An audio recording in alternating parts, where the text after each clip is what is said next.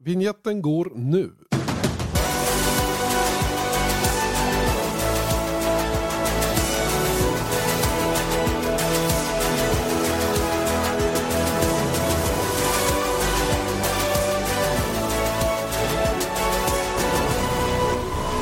Man blir lika glad varje gång man får den här pampiga vignetten i öronen. Det är någonting speciellt med den. Jag ska komma tillbaka till just det fenomenet om en liten, liten stund. Innan jag gör det så ska jag säga att ni lyssnar till Viaplay F1 Podcast. Janne Blomqvist, Erik Stenborg som naturligtvis ska reagera lite grann på det senaste racet.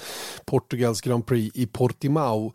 Och eh, vi delar ut tummar upp och ner och ni får lite röster också från några av de som körde i söndags. Så att eh, det finns mycket att hänga med på under den här, som vi tror, timmen den här podden kommer att vara i längd. Eh, vi avrundar självklart med att snacka upp nästa race, för det är nämligen racevecka också. Det är Spaniens Grand Prix som står för dörren. En, en välbekant bana får man väl ändå säga, där det är lite mer normala förhållanden än det vi hade i, i Portugal. Eh, god förmiddag Erik Stenborg. God förmiddag. Vad är det med den här vignetten? Jo, det var så här vet du. På min hundpromenad som jag gjorde precis innan här så fick jag, för, jag brukar lyssna på samma spellista hela tiden och ibland så blir man lite trött. Speciellt som man som jag har en ganska speciell musiksmak eller väldigt så här, den är, den är lika. Mm. Alla låtarna mm. är lika. Så ibland behöver man... All, allt låter exakt likadant. Nej, det gör det inte. Det gör det definitivt Glad, Glada basister som står och ler. Mm, exakt. Det vill inte, jag, jag, jag, vill ha gubbar som tittar ner i golvet och är arga. Mm, precis. Du och Mange Andersson, ni är så här konstiga. Ja. Man, vill, man vill ha glad musik, inte deppig musik. Det blir man ju knäpp av. Hur som helst. Då fick jag för mig att jag skulle lyssna på musiktemat till OS i Los Angeles 1984. Mm. Alltså jag är ju okay. jag är knappt på riktigt alltså. Jag är, för det första är jag kvar på 80-talet rent generellt när det gäller musik. Men i alla fall så, det här, den här, um, de gjorde en theme, eh, en, en platta helt enkelt. Eh, med eh, du vet OS-fanfaren som är helt fantastisk. Den är, den är magisk att lyssna till. Och så gick jag och lyssnade på den här i marschtakta på gräsmattan på baksidan. Så jävla knäpp. Bob James eh, som är en känd eh, musiker, eller ja, han är kompositör heter det. Han gör ju ett tema för, för basketen till exempel. Toto gör en för, för boxningen och ja du vet. Och det är ju Los Angeles och det är mycket västkustmusiker. Exakt det som jag tycker om. Så att det, det var bra. Det var bra.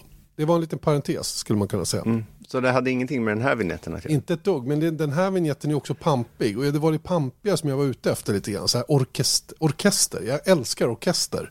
Du vet det här, mm. det här synkroniserade spelandet med en dirigent längst fram som har sån koll på alla sina gubbar. Alla är supertajta.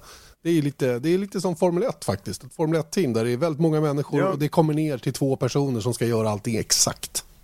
Men vad tycker du om Formel 1-musiken då? Den, den, tycker jag är bra. Den som lanserades för några år sedan. Ja, men det är ju, det är ju, de, den är ju exakt det den ska vara. Den är ju precis så pampig och orkestrig.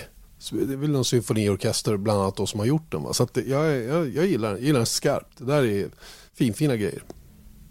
Mm. Bra. Vad tycker du om Portugals Grand Prix då? Nej, men jag tyckte det också var finfina grejer. Det var, det var ett riktigt, riktigt bra race i delar. Inte hela tiden. Det var ett sånt där äh, klassiskt Formel 1-race som, som går ner lite grann på sparlåga under perioder.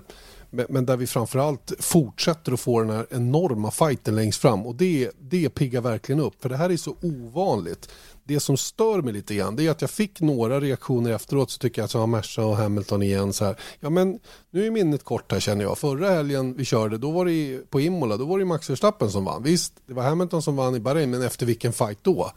Så att jag mm. menar det är verkligen superjämnt i år och det, jag har som inga problem att Merca vinner och inte att Lewis Hamilton vinner så länge vi får fighten.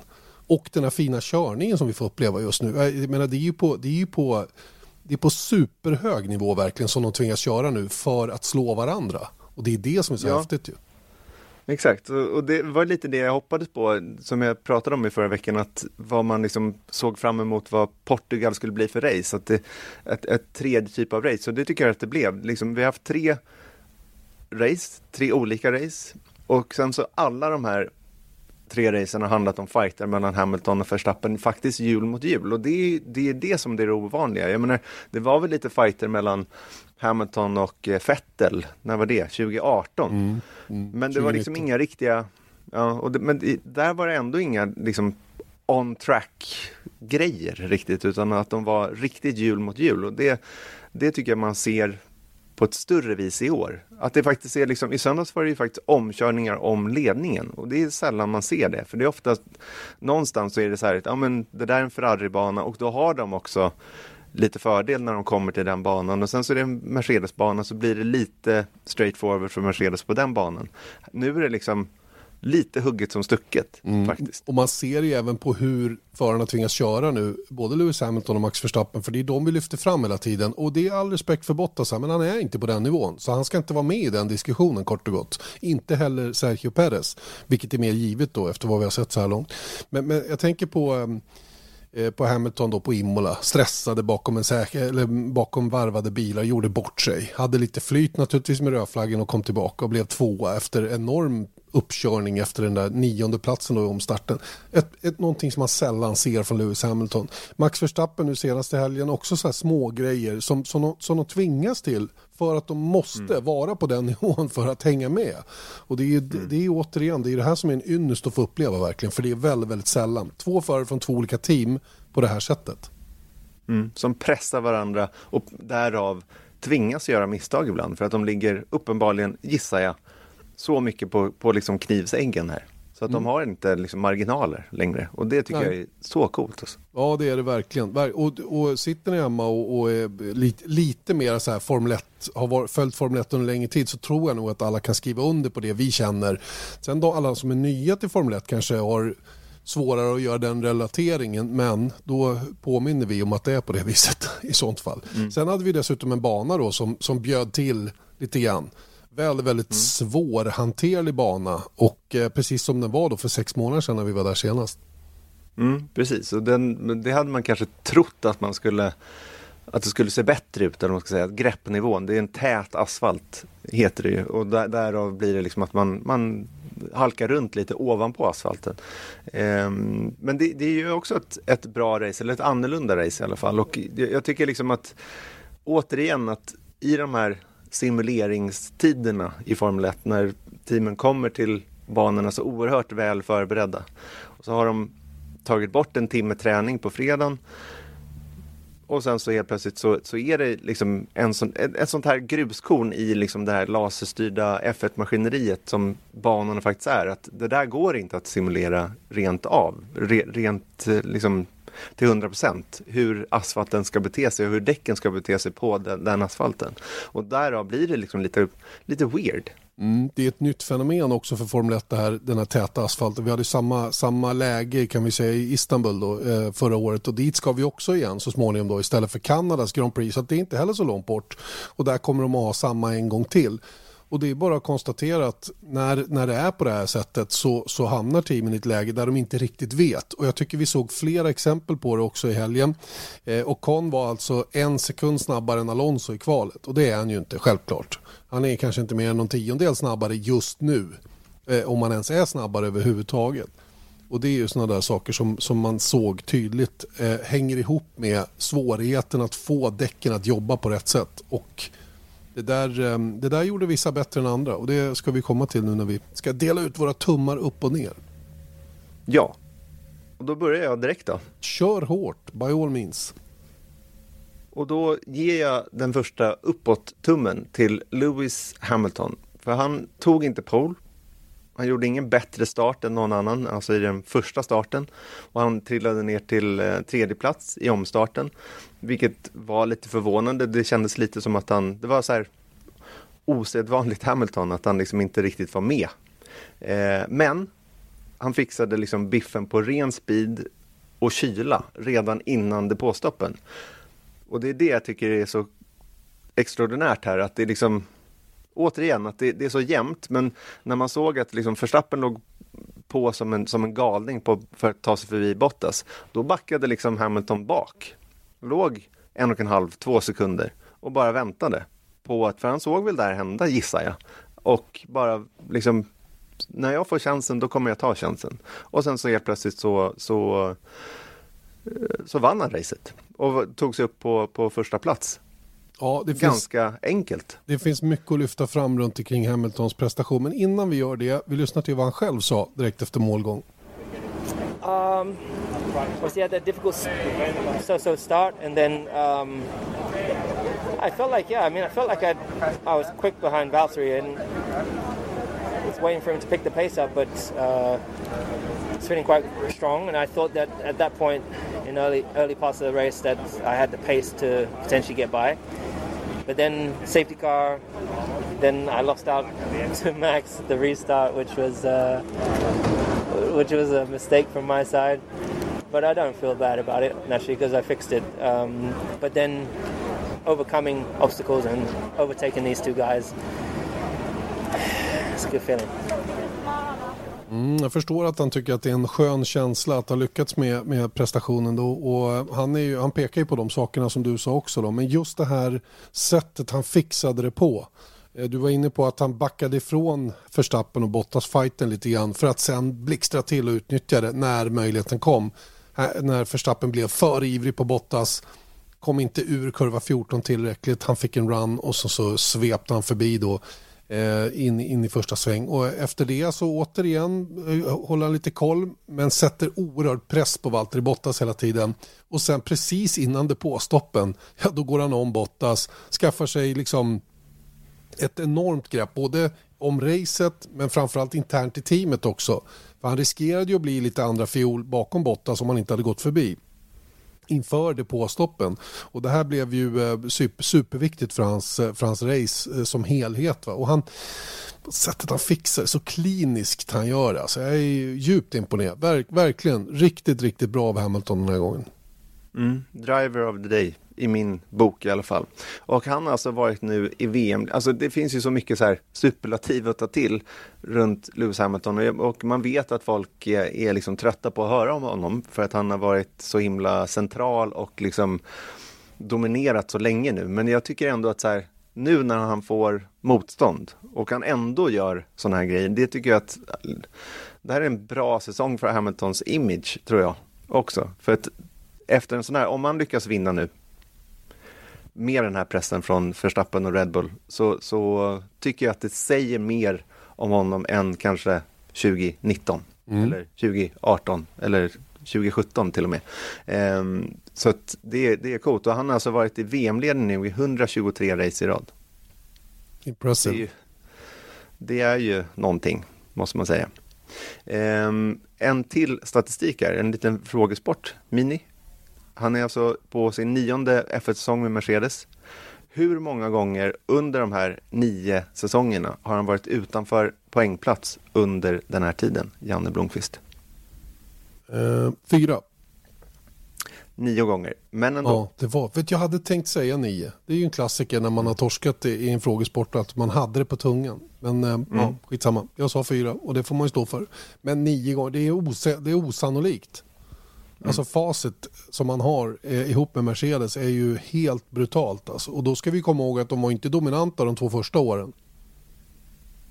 Nej, inte 2013 och nej, 2012 ja, 20, och 2013. 2012 13 där. Utan då, då mm. var det ju långt ifrån den dominans som vi, ser, som vi har sett. Kanske inte ser lika, lika tydligt nu. Ja, imponerande, verkligen.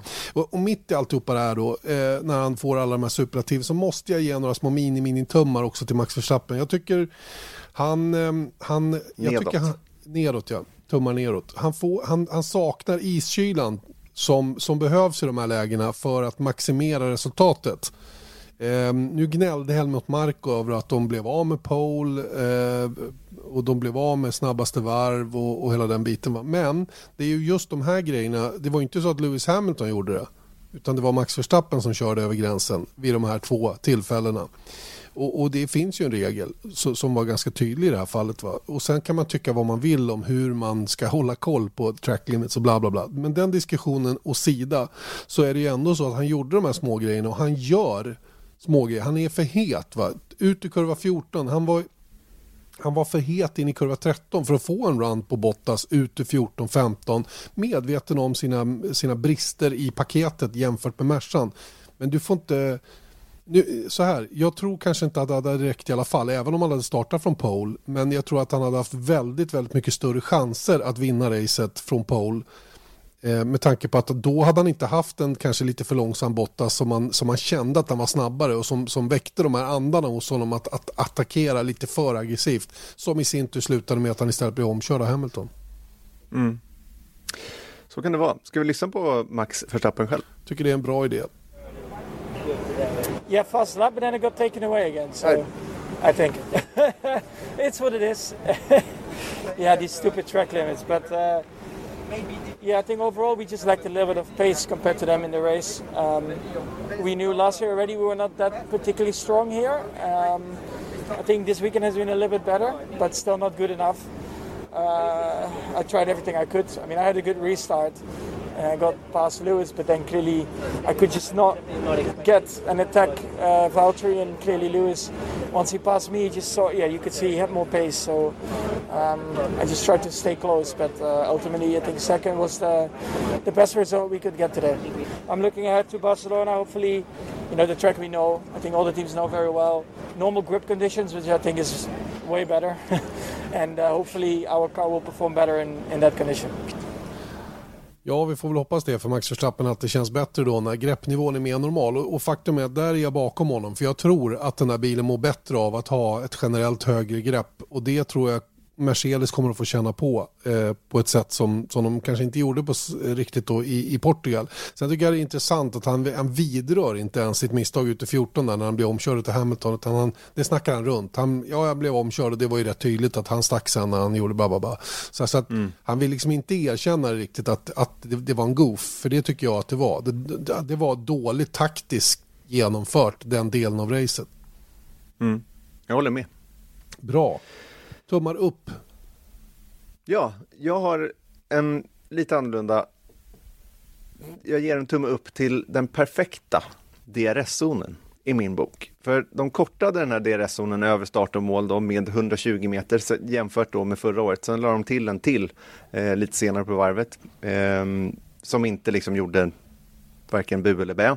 Men den här kortade zonen kändes perfekt avvägd. Och då ska man komma ihåg då att tanken med DRS när det infördes var ju inte att liksom hjälpa bilar att ta sig förbi. Utan det var att hjälpa bilar att ta sig så pass nära så att man sen skulle göra en omkörning in i kurvan som följde därefter. Alltså, man skulle köra om med stängd vinge. Inte med öppen vinge, vilket är typ 90% av alla de här DRS-omkörningarna är att man öppnar vingen, blåser förbi, stänger vingen och sen så då är man redan förbi så att säga. Eh, och i söndags tycker jag verkligen att den här DRS-zonen funkade perfekt för att det var verkligen så i nästan alla fall som jag tänkte på i alla fall så, så öppnar man vingen, man kommer tillräckligt nära för att göra en attack, stänger vingen och sen så bromsar man sig förbi. Det tyckte jag var en, en stor lärdom som de kan ta att de måste justera de här zonerna mer mellan åren. Ja, ja, vi- visst är det så. Och det är exakt så som du, är jättebra beskrivet av vad DRS egentligen var tänkt att vara. Men inte riktigt har varit. Och, men jag tror att samtidigt att det är sjukt svårt att veta exakt hur lång en DRS-zon ska vara. Det räcker med att det är motvind på en raksträcka där så har du ju pajat hela grejen. Eller tvärtom, medvind. Så, så har du liksom, så, så att det är ju, det är ju ett, ett rörligt mål på något sätt som är svårt att pricka till 100 procent.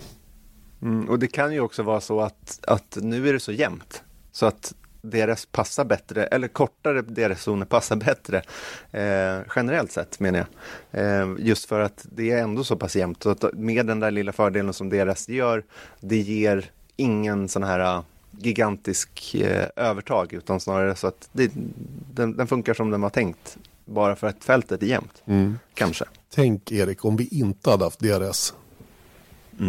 Det hade, varit, det, hade varit, det hade varit riktigt, riktigt besvärligt för Formel 1 tror jag. Det, det, ska man, det glöms ganska ofta i diskussionen om vad man tycker, eh, när man tycker att DRS är dåligt. Tänk om vi inte hade haft det. Tänk så fruktansvärt statiska race det hade varit.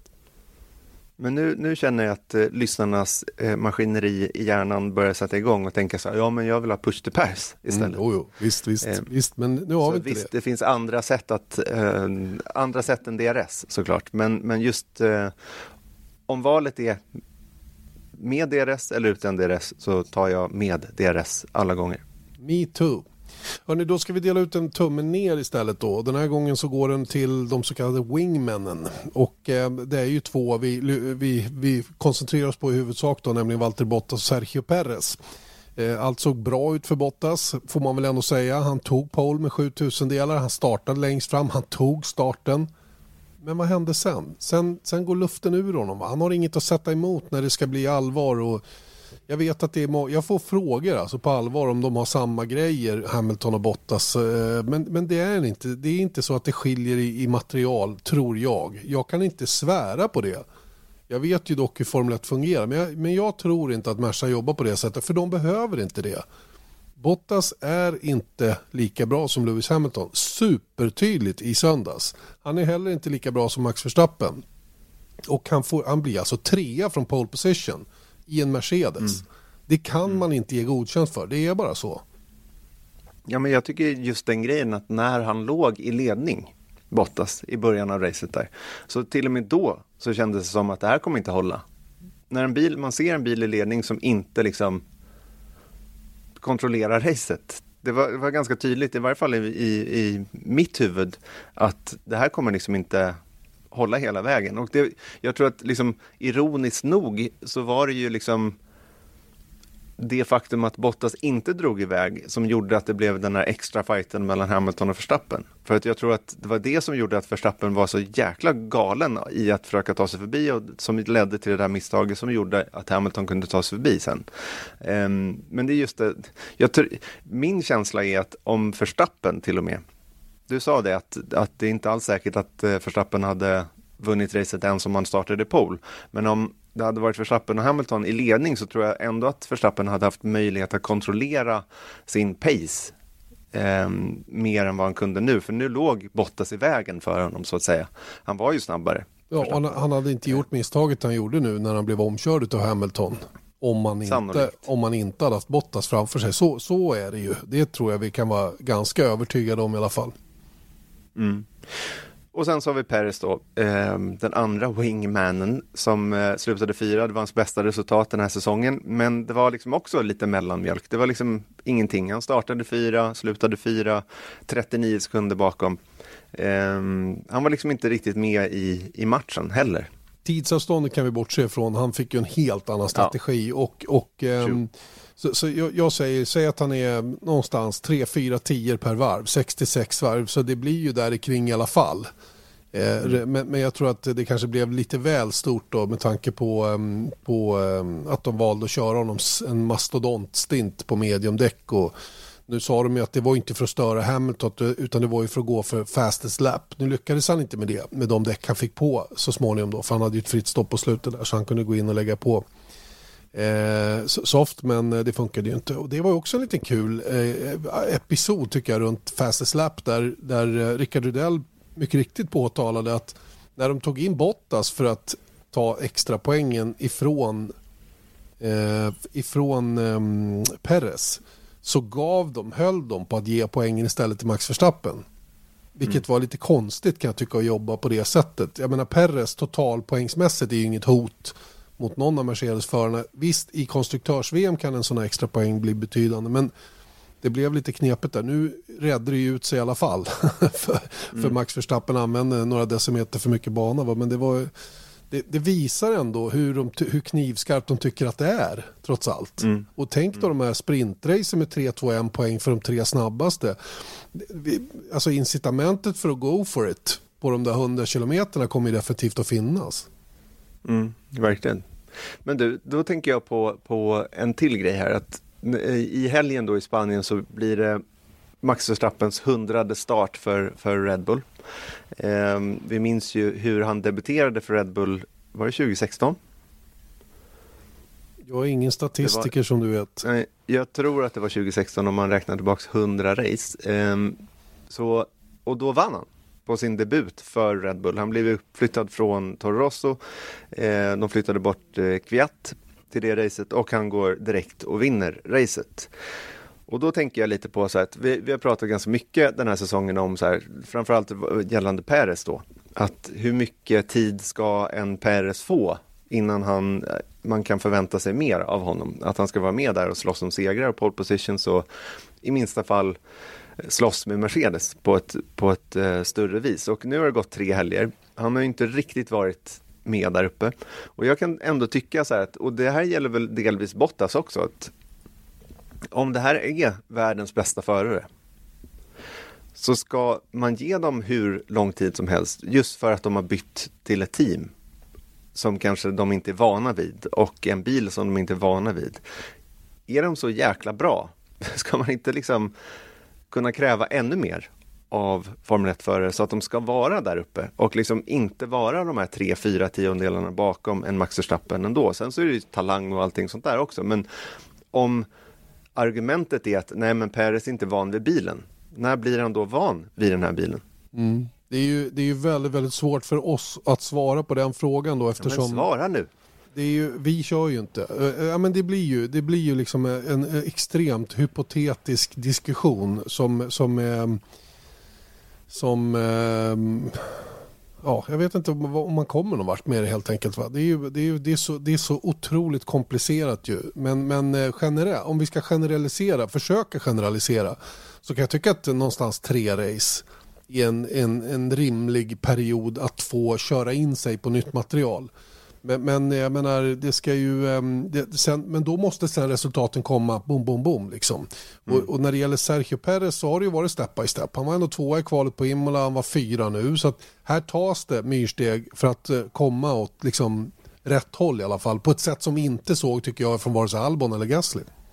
Mm. Jo men det är sant, men det är där jag menar att om argumentet är, alltså det, vi pratar om förväntningar här någonstans, att det är eh, jag förstår att, att Perez kanske inte är Max Verstappen sett i talang då, men om argumentet är att nej, men det är bilen som han måste vänja sig vid, ja men då tycker jag att det är inte det som ska vara problemet, utan det är i så fall förmågan att, att köra bilen överhuvudtaget. Mm. Ja, det är det... hårklyveri, det är, det är liksom eh, hönan och ägget kanske, men, men ändå, jag tycker ändå att man kan förvänta sig ganska mycket av en Sergio Perez i en Red Bull, när man ser vad åtminstone Verstappen kan göra att Verstappen kan göra mer än, än eh, Perez i alla fall. Vi lyssnar till Viaplay F1 Podcast med Janne Blomqvist Erik Stenborg. Vi kör tummar upp och ner för närvarande då efter Portugals Grand Prix som eh, blev en spännande, ett spännande race verkligen då där Lewis Hamilton då återigen lyckades komma ut längst fram då före Max Verstappen och Valtteri Bottas. Eh, de har fått sina tummar faktiskt eh, så här långt. Så att vi går vidare tycker jag i listan och den här gången är det ju då en tumme upp. Ja, till alpin och kanske speciellt den här gången till Esteban Ocon i alpin. Men Alonso ska väl ha en tumme också, eh, just för i Portugal då. Men Ocon har alltså slagit Alonso i varje race hittills, så det var inte någonting som jag hade var helt hundra på att han skulle orka med att göra. Kanske med hjälp av lite så här psykologiskt rävspel hos Alonso mot Ocon i det där teamet då. Men det har han gjort. Eh, däremot så kan man ju säga då att Alonso körde dock som Alonso kan. Som man kanske var van att se honom i eh, ja, men 2005, 2006, de här mästerskapssäsongerna i, i Renault. Eller till och med i Ferrari då. Speciellt under sista stinten och han slutade faktiskt då eh, på åttonde plats precis bakom Ocon. Eh, körde om eh, Sainz var det va? Ja, det var det. Stämmer. Ja.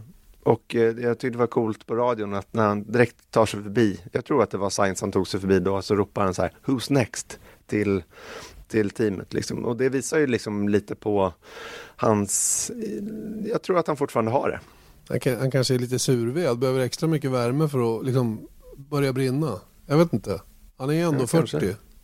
Ja, absolut. Men Nej, poängen är då att ändå att alpin då är femma i VM nu. Genom, det här var deras andra eh, raka då, dubbla poängplats eh, med båda bilarna då. Och eh, ja, femma i VM som sagt. Vi, jag tror att vi hade tippat dem som sjua i VM när vi gjorde det här försäsongstipset. Eh, och jag hade inte trott att de skulle vara femma faktiskt. Nej, och de, de, har ju, de har ju fört en ganska anonym tillvaro så här långt. Men du, varför inte lyssna till Esteban Ocon då efter söndagens race? Han var ju av förklarliga skäl då väldigt nöjd. Yeah, yeah, for sure. It's, it's always hard work. Nothing's easy in Formula One, but uh, no, we are pretty pleased with the weekend and how it went. Uh, two cars in the points as well, uh, seven and eight for me and, and Fernando. Um, we are fighting with Ferraris and McLaren. They were still a little bit too fast for us overall. Um, but uh, you know, it's good progress. We have to keep going, and uh, we will. I mean, the car was working well, and we still did a good step, you know, from Friday to Saturday, which is what made the difference this weekend, and uh, and all the understanding that went through, um, you know, during those those little breaks because we, we are not where we, we we want to be. You know, that's the thing, and um, I'm pretty sure there's more to come.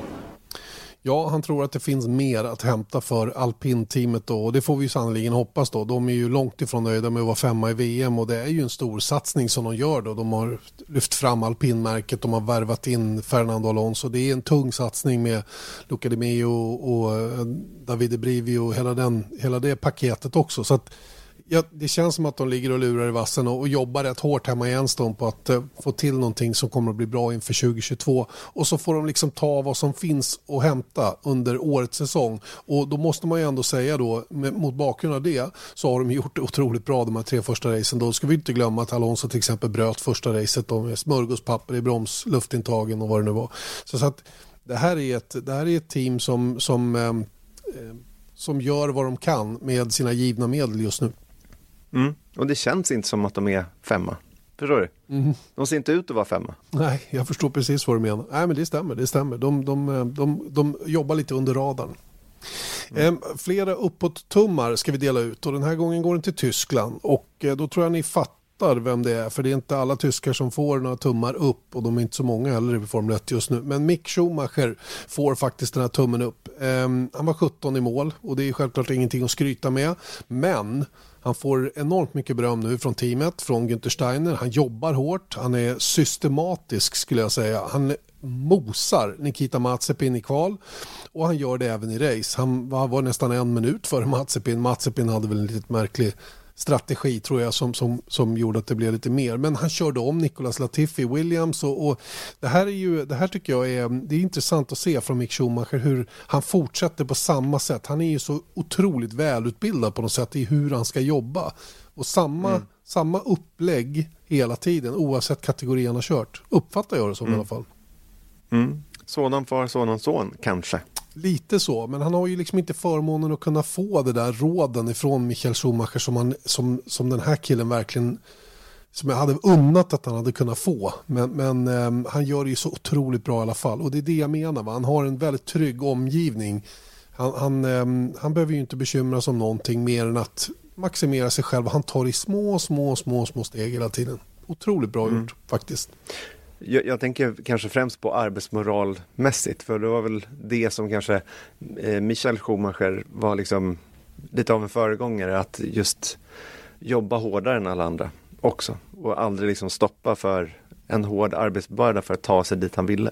Ehm, och det tycker jag ändå det, det hedrar honom på något sätt, att han inte jag menar han är ju i en familj som är liksom kunglighet inom motorsport överhuvudtaget. Så att, men han upplevs inte från utsidan som någon eh, liksom entitled kid som nästa tumme går till. Som kanske upplevs att vara precis så, en entitled kid. För det är nämligen ner för Nikita Mazepin. Nej, ja, det är få gånger man har sett någon göra så jobbigt för sig själv som, som med Nikita Mazepin, eller vad säger du?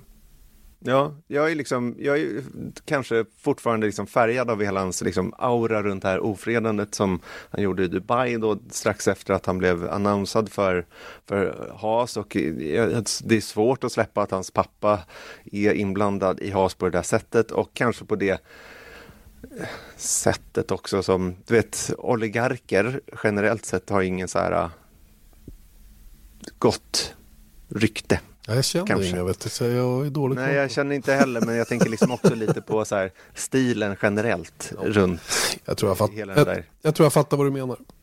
Ja, men och sen så nu då i, i söndag, så, så, eller i, i helgen då, så blockar han Latifi kvalet. Han fick inget straff för det då, men sen så ignorerar han blå flagg när Perez skulle varva och då får han ett tidsstraff och straffpoäng på sin eh, licens då på väg mot sista plats, typ en minut bakom eh, Mick Schumacher. Och jag menar, det är liksom det är något extraordinärt och jag, jag undrar liksom lite över det finns någon sån här Twitter-handle, jag vet inte vem den här människan är och det är väl lite poängen också, men den heter typ så F1 Paddock Insider som skriver just det du beskrev att det finns liksom att, att den här personen då har aldrig sett en förare som tas på mindre allvar än Nikita Mazepin i F1-depån. Ehm, och vem den här personen är, det är en anonym källa, inte vet jag. Men, men det är liksom, på något sätt är det en ond cirkel för Haas, för de behöver honom, men de behöver honom inte. Det är liksom ett klassiskt pest eller kolera-läge för Haas att ha Nikita Batspin i den där bilen. Mm, de hade nog gärna hittat 350 miljoner någon annanstans eller vad han nu bidrar med eh, och sluppit köra bilen som en rysk flagga. Eh, det amerikanska team det nu är. Jag tror mm. att det är mycket knivar i ryggen där som vrids om lite då och då oavsett vad det handlar om. Men här handlar det ju också om överlevnad för manskapet, för, för teamet som sådant och, och för det generella värdet för Formel 1-teamet då som, som med den här summan pengar då som varje team kommer att vara minst värda eh, i och med att man skrev på det nya Concorde-avtalet. Så det har varit en, jag tror att det har varit otroligt jobbigt för Gene Haas att genomföra det här och inte minst jobbigt att se hur det här faller ut då med Nikita Mazepin på banan dessutom. Va? Vi, vi, ska inte, man, man, kan inte plåga ihjäl den här pojken heller. Han är ju bara drygt 20. Jag menar, han är ju sin, sin, sin um, han, är, han är ju upp, så som han är uppvuxen och uppfostrad så beter ju han sig. Det, det är ju fullständigt uppenbart. Va? Men, men det är ju, ah, man föds ju inte elak eller dum. Eller, som, förstår du vad jag menar? Så han är en människa och det får man ju ha respekt för på något sätt. Va? Men frågan är om man skulle köra i Formel 1. Om vi lyfter det till det sportsliga. Så nej, jag tycker inte han borde köra Formel 1. Han borde göra någonting annat. Och det borde hans pappa också inse. För det här, det här är en björntjänst verkligen. Det som sker just nu. Och det gynnar absolut ingen. Eh, backa tillbaka, börja om från början. Han överkör, han trasslar och han gör misstag som man aldrig sett på en Formel 1-bana i stort sett. Det är lite så här Ricardo Rosset-varningar på hela grejen. Tack in Tack in Ja men eller hur, va? det är liksom på den nivån. Och det, och det är fasen inget, inget beröm. Och um, jag tror att de skulle må bra av att uh, känna att de har teamet i sin hand men lyft ur sonen. Tänk på hans mm. välbefinnande lite. Men den stora skillnaden då med att Takino hade lite självdistans. Han har det i alla fall nu. nu i alla fall. ja, exakt. Men, men det är det jag menar också att Ja, visst, jag, jag, tror att eh, uppenbarligen så behövde Haas de här pengarna som han tar med sig eh, för att ens kunna överleva. Så det är det perspektivet man måste ta med sig in här också. Att, att så här, okej, det är inte bara sparka en sån person heller, för då nej. kanske de går i graven nej, helt. Nej. Sparka kommer helt. aldrig hända, utan det, är, det här måste ju vara ett, ett gemensamt beslut där man säger att hörni, jag, vi, till och med vi inser att det inte här funkar, så att vi, vi försöker hitta någon annan lösning. Sen ska mm. vi också komma ihåg att Mazepin inte har Ferrari i ryggen, vilket Mick Schumacher har. Det brukar mm. hjälpa när man eh, mm. kör i den här typen av team, om vi säger så. Precis, vi lämnar det där. Mm, det gör vi. Och så tar vi en eh, ny tumme ner tycker jag som eh, landar faktiskt på Carlos Sainz den här helgen. Eller kanske inte på Sainz men, men i alla fall på Ferrari. För jag tycker de, eh, de goofade bort Sainz lite grann. Jag vet inte hur mycket Carlos Sainz själv hade med, med den, det valda däck som man körde racet med. Eller hur mycket han hade med det beslutet att göra. Va? Men, men att kvala in femma före Charles Leclerc, bra, jättestort fall framåt. Men de kör soft medium. Vilket mm. på pappret kanske funkade va? men ingen annan gjorde det. Så någonstans gjorde ju Ferrari en, en, en misskalkylering här som var ganska grov. Men å andra sidan, mm. Eh, Perez körde en megastint på medium. Så det kanske var en kombo av att Ferrari inte trivdes på de här däcken och att man inte därmed lyckades genomföra den här taktiken 100%. Mm. Men det kanske var lite gap efter mycket och så miste man hela stycket. Kanske, men, men ändå, jag tycker ändå att eh, nu, nu ger vi en tumme ner till Sainz, men jag tycker ändå bara den, det faktum att han faktiskt kvalade in som femma är ett eh, Den planar ut lite tummen, känner du inte det?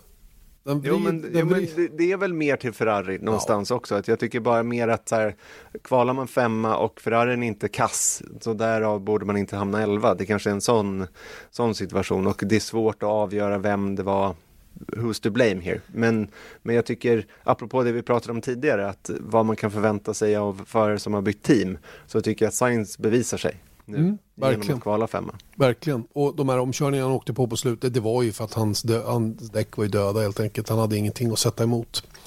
Eh, så att eh, det är om detta då. Eh, gör processen ganska kort där. Eh, sista tummen upp Erik, den är ju, den är kul. Den, det är ju lite grann av ditt, ehm, din, din kille hittills. Ja, nej men Lando Norris.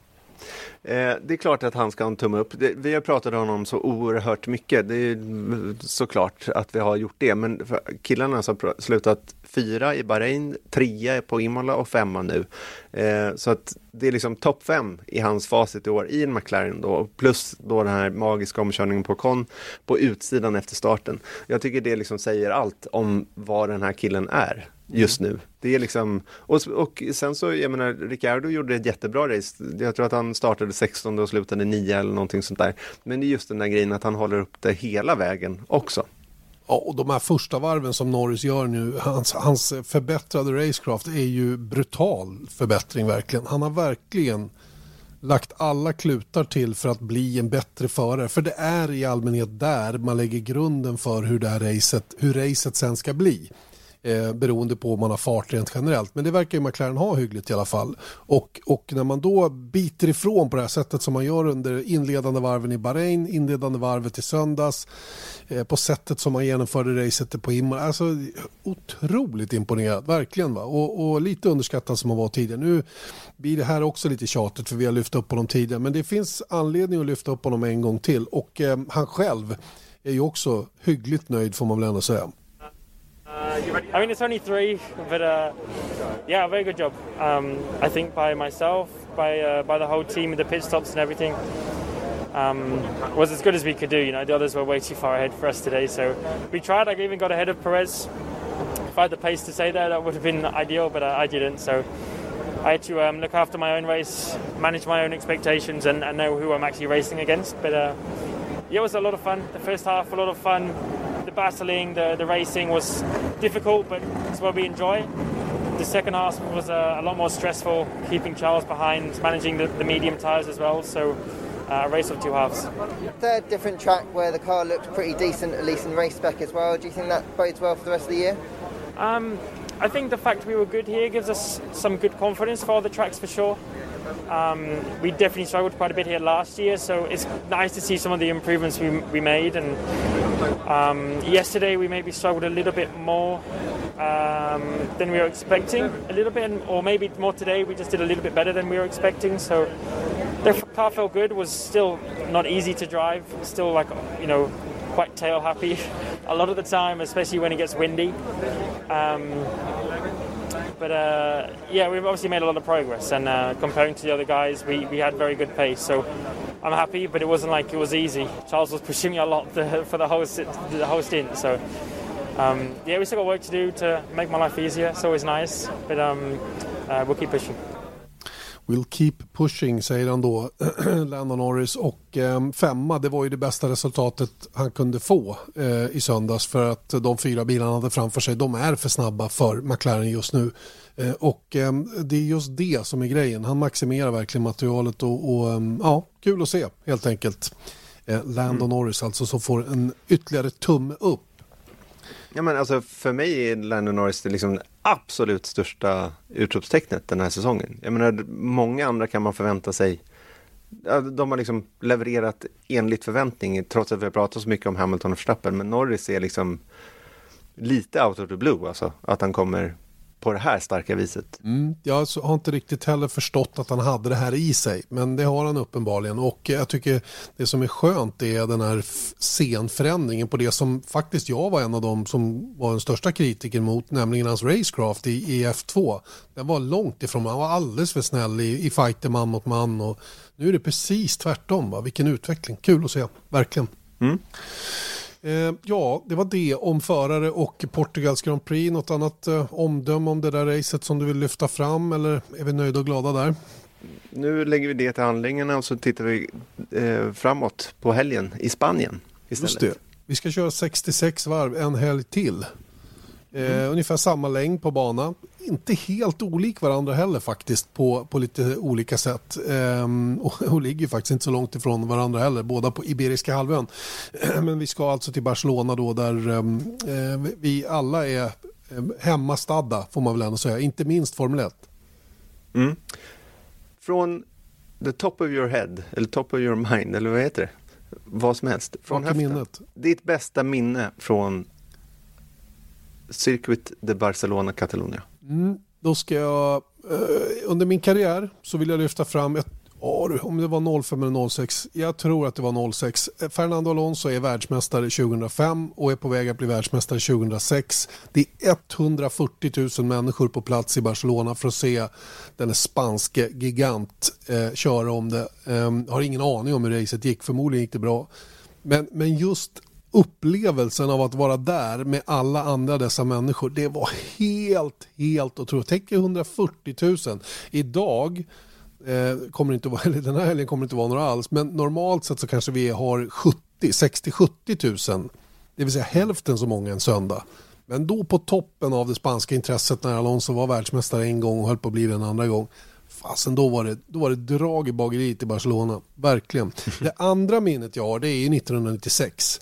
Schumachers seger i, i första året i Ferrari med en bil som inte var helt kry i regnet. Äh, det, var, det var magi för min del, verkligen. Så de två, mm. de lyfter jag fram. Det är bra. Jag har faktiskt, jag tror att, säg att jag varit i, på den banan tio gånger. Bara på tester, jag har aldrig varit på racet. Så jag måste ta ett, um minne därifrån och det var när vi spelade in den här podden. Vi står i kurva två tror jag. Ja, ja, ja, och, ja, ja. och spelar in podden längs banan. Och så har vi bara krampump, så. Och då är det Kimi Räikkönen som drar av rakt framför oss. Exakt. Live i podden. Jo men då glömmer jag en annan grej. Jag var ju på tester och, och då kom ju Sebastian Vettel i Ferrarin och snurrade när jag stod och gjorde någon live-rapport med Mange där nere. Eller ja, det var det. live eller i någon kamera och fick springa som en, du vet jag är ju otroligt rörlig och smidig. Flåsandes eh, bort till Vettel som, eh, som spann runt upp på banan igen och for iväg då ganska precis när jag kom fram dit. Det var också en sån här speciell grej när man fick se det väldigt nära. Sen, mm. eh, jag menar, vi, vi har andra minnesvärda kvällar i Barcelona, Erik. Ja. Absolut. Nej, de har jag glömt bort. det finns en jätterolig episod. Vi var, vi var ett gäng eh, och eh, åt lite mat och vi drack säkert en del också. Det var väl någon test var det väl. Och mm, eh, mm. då, dagen efter då var väl Erik väldigt besviken på sig själv. Som han upprepade mm. gånger sa. Mm. Det, gjorde ja. inte, det gjorde ont i hårfästet då. Jag var inte, jag var inte på topp. Och jag kände att här, jag hade så himla mycket att göra och jag var ju ansvarig för allt det här. Så jag kände så här, hur kunde jag göra den här? Men jag, jag skyller på handbollsspelaren Magnus Järnemyr. Exakt, han är god vän till oss och han, eh, han spelade handboll i Barcelona då. Och han tog oss på en liten tur på de bra ställena. Mm. Mm. Ja, så kan det gå. Jag var inte med på det, men så jag blev manipulerad. Hur som helst. Spaniens Grand Prix har körts varje år då, sedan 1991. Det är alltså 31 racet här på den här banan. Det gör ju att det börjar komma upp i, i, eh, i åldern alltså, den här banan. Och det tycker jag man kan märka av när man går runt där. Ehm, vilket är, men det är ett trevligt ställe. Ehm, just banan. Sen så är det ju den här grejen att det är en väldigt bra bana, men det är kanske inte så bra racerbana. Om man förstår den skillnaden. Det är en väldigt bra ba bana, men inte så bra att tävla på. Den är mm. speciell på det viset. Så det, nej, men det är synd, tycker jag faktiskt. För ten tendensen är ju att racen ofta blir väldigt tråkiga i Barcelona. Och nu såg jag att eh, George Russell eh, ville ha bort chikanen så att man kunde åka full fart i de två sista svängarna. Det skulle snarast göra det ännu värre, tror jag. Mm. Så som bilarna ser ut i dagsläget. Va? Så det, det tror jag inte är någon medicin för att få till bättre racing. Problemet är att komma nära helt enkelt. Den är alldeles för aero. Men, men, eh, och, och, det är det som gör att uh, utan chikanen tror jag det var Delarosa som sa att man behövde, det behövde vara en skillnad på över tre sekunder för att kunna köra förbi. Och det säger ju en del mm. faktiskt. Mm. Ja, så att eh, låt oss ha chikanen kvar. Men däremot så har de gjort om kurva 10, vilket gör att det finns liksom inga varv eller banrekord längre. Utan de ska sättas den här helgen, för det, gör ju, det blir ju så när man liksom gör om banan så, um, så försvinner då, ja, bansträckningen är annorlunda helt enkelt, så att det finns inga jämförbara tider. Eh, det de har gjort är ju kurva 10, det är liksom hårnålen in i det där sista komplexet, det är väl in i sektor 3 va? Ja, precis. Jag tror, att, jag tror att sektor 3 börjar precis innan kurva 10 och det man har gjort, det, det fanns ju två varianter på kurva 10. En för motorcyklar då, en betydligt djupare som även bilarna använde tillfälligt, eller ja, under en period, som lite rundare radie och sen då en lite tvärare med dessutom en liten vinkel i utgången då som, man, som bilarna använder. Nu har man liksom tagit bort det där för nu ska alla åka samma samma konfiguration genom kurva 10 där. Så att vi får se lite grann hur det där kommer att funka. Men jag tror inte det är någon större fara. Förhoppningsvis så kanske det går att um, göra någon attack in i kurva 10 där. För det är ju ett sånt där ställe där man hade gärna sett att det var lite omkörningsvänligare. Ärligt mm. talat. Va? Men, men, det är också intressant där med banor och track limits och hur man bygger banor och sådär. Det, det, är ju så, man, man kör ju inte bara Formel 1 i tre dagar under ett år utan det händer ju en jäkla massa andra saker på banan. Så det, det är väl det som gör att man får hitta kompromisser som funkar för fler än bara Formel 1-bilar. Och det är väl en bra illustration varför kurva 10 inte, i varje fall historiskt sett, har varit en, en omkörningsställe. Det är kurva 9 innan, som är så oerhört snabb eh, och jätte eh, arrow dependent så att säga. Vilket gör att du måste hålla lite avstånd genom kurva 9 för, och då är det för långt bort eh, från bilen framför för att ja. kunna dyka på insidan i kurva 10. Visst, du måste och det är det jag menar om man skulle ta bort chikanen där i, inom start och mål.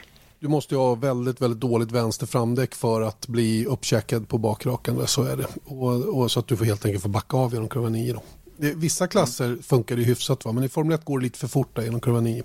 Hur som haver, eh, Schumacher har gått bra här. Mm, han är bäst här med sex segrar. Det är eh, dock Hamilton också, för han har fem segrar och kan alltså matcha. Om han vinner på söndag så har han lika många segrar som Schumacher på, eh, i Spanien. Och eh, det blir då i så fall om man vinner på söndag så blir det då det fem, femte spanska GP i rad som man vinner. Alltså sett till i, i race i följd mm. på en och samma bana. Det Senna har eh, fem stycken raka segrar i Monaco. Och då skulle Hamilton tangera även det. Men på något sätt så önskar jag inte att han vinner det här racet också. För det vore bra för VM om någon annan, kanske Verstappen, kanske en Perez. Ja, eller Bottas. Varför inte Bottas? Som faktiskt ligger fyra i VM. Han är inte ens framför Lando Norris i nuläget då med sin nollpoängare då på Imola. Så att eh, han behöver ju, behöver lite poäng för att vara med i matchen där framme. Va? Så att, men eh, skitsamma. Vem som, än får, vem som än vinner så hoppas jag på att det blir en, en bra fight igen då, precis som vi hade nu senast. Det här blir Verstappens hundrade racestart också för Red Bull. Mm. Eh, och han vann ju alltså här i debuten då. Det var 2016 för att det var den smalare bilen, inte 2017 som var den lite bredare. Eh, och eh, jag, ser fram emot, ehm, jag ser fram emot att se Red Bull och Mercedes för nu har de inte testat det här i Barcelona den här gången. Så det, det gör ju att det är kanske lite, lite mer osäkert hur allting kommer att vara. Va? Men nu har de ju 100% koll på Barcelona sedan tidigare. Men, men ja, du vet, det är inte riktigt samma. De har inte gjort 150 varv om dagen i, i sex dagar den här gången som de brukar göra inför en säsong och då kommer de hit och det är nästan löjligt att de behöver ut och träna. Sen, mm. sen är det ju den här banan som också är lite lustig för den är snabbare under vissa tider på dagen och, och hur man prickar det där rätt och så vidare. Så att det, blir, det blir spännande men, att se. Med det sagt då, vad, vad, vad talar för och emot respektive team här? Jag menar, vi har fortsatt den här problematik, eller inte problematik, men det är den här olika koncept och rake och snabba kurvor, långsamma kurvor, hej och hå. Då ska, jag, vem, då ska jag säga, vem ser bäst ut? Jag tror att Red Bull är bäst i sektor 1 och 2, jag tror Merca är bäst i sektor 3. Eh, så ser det ut grov, grov, grovhugget. Ehm, Red Bullen är snabbare i medel och snabba svängar än vad Mercedes-bilen är. Och första sektorn med kurva 3 är ju helt, eh, helt grym snabb. Kurva 4 ner för kurva 5. Det är inga långsamma svängar överhuvudtaget egentligen. Utan de kommer ju då eh, in i kurva 10. Det är ju den första riktigt långsamma. Och sen är det ju då lite hackigt på slutet då innan man kommer ut på start och mål igen. Och där är det viktigt att vara snabb. Så det är viktigt för Red Bull om de ska slå Merca att vara framför i kvalet.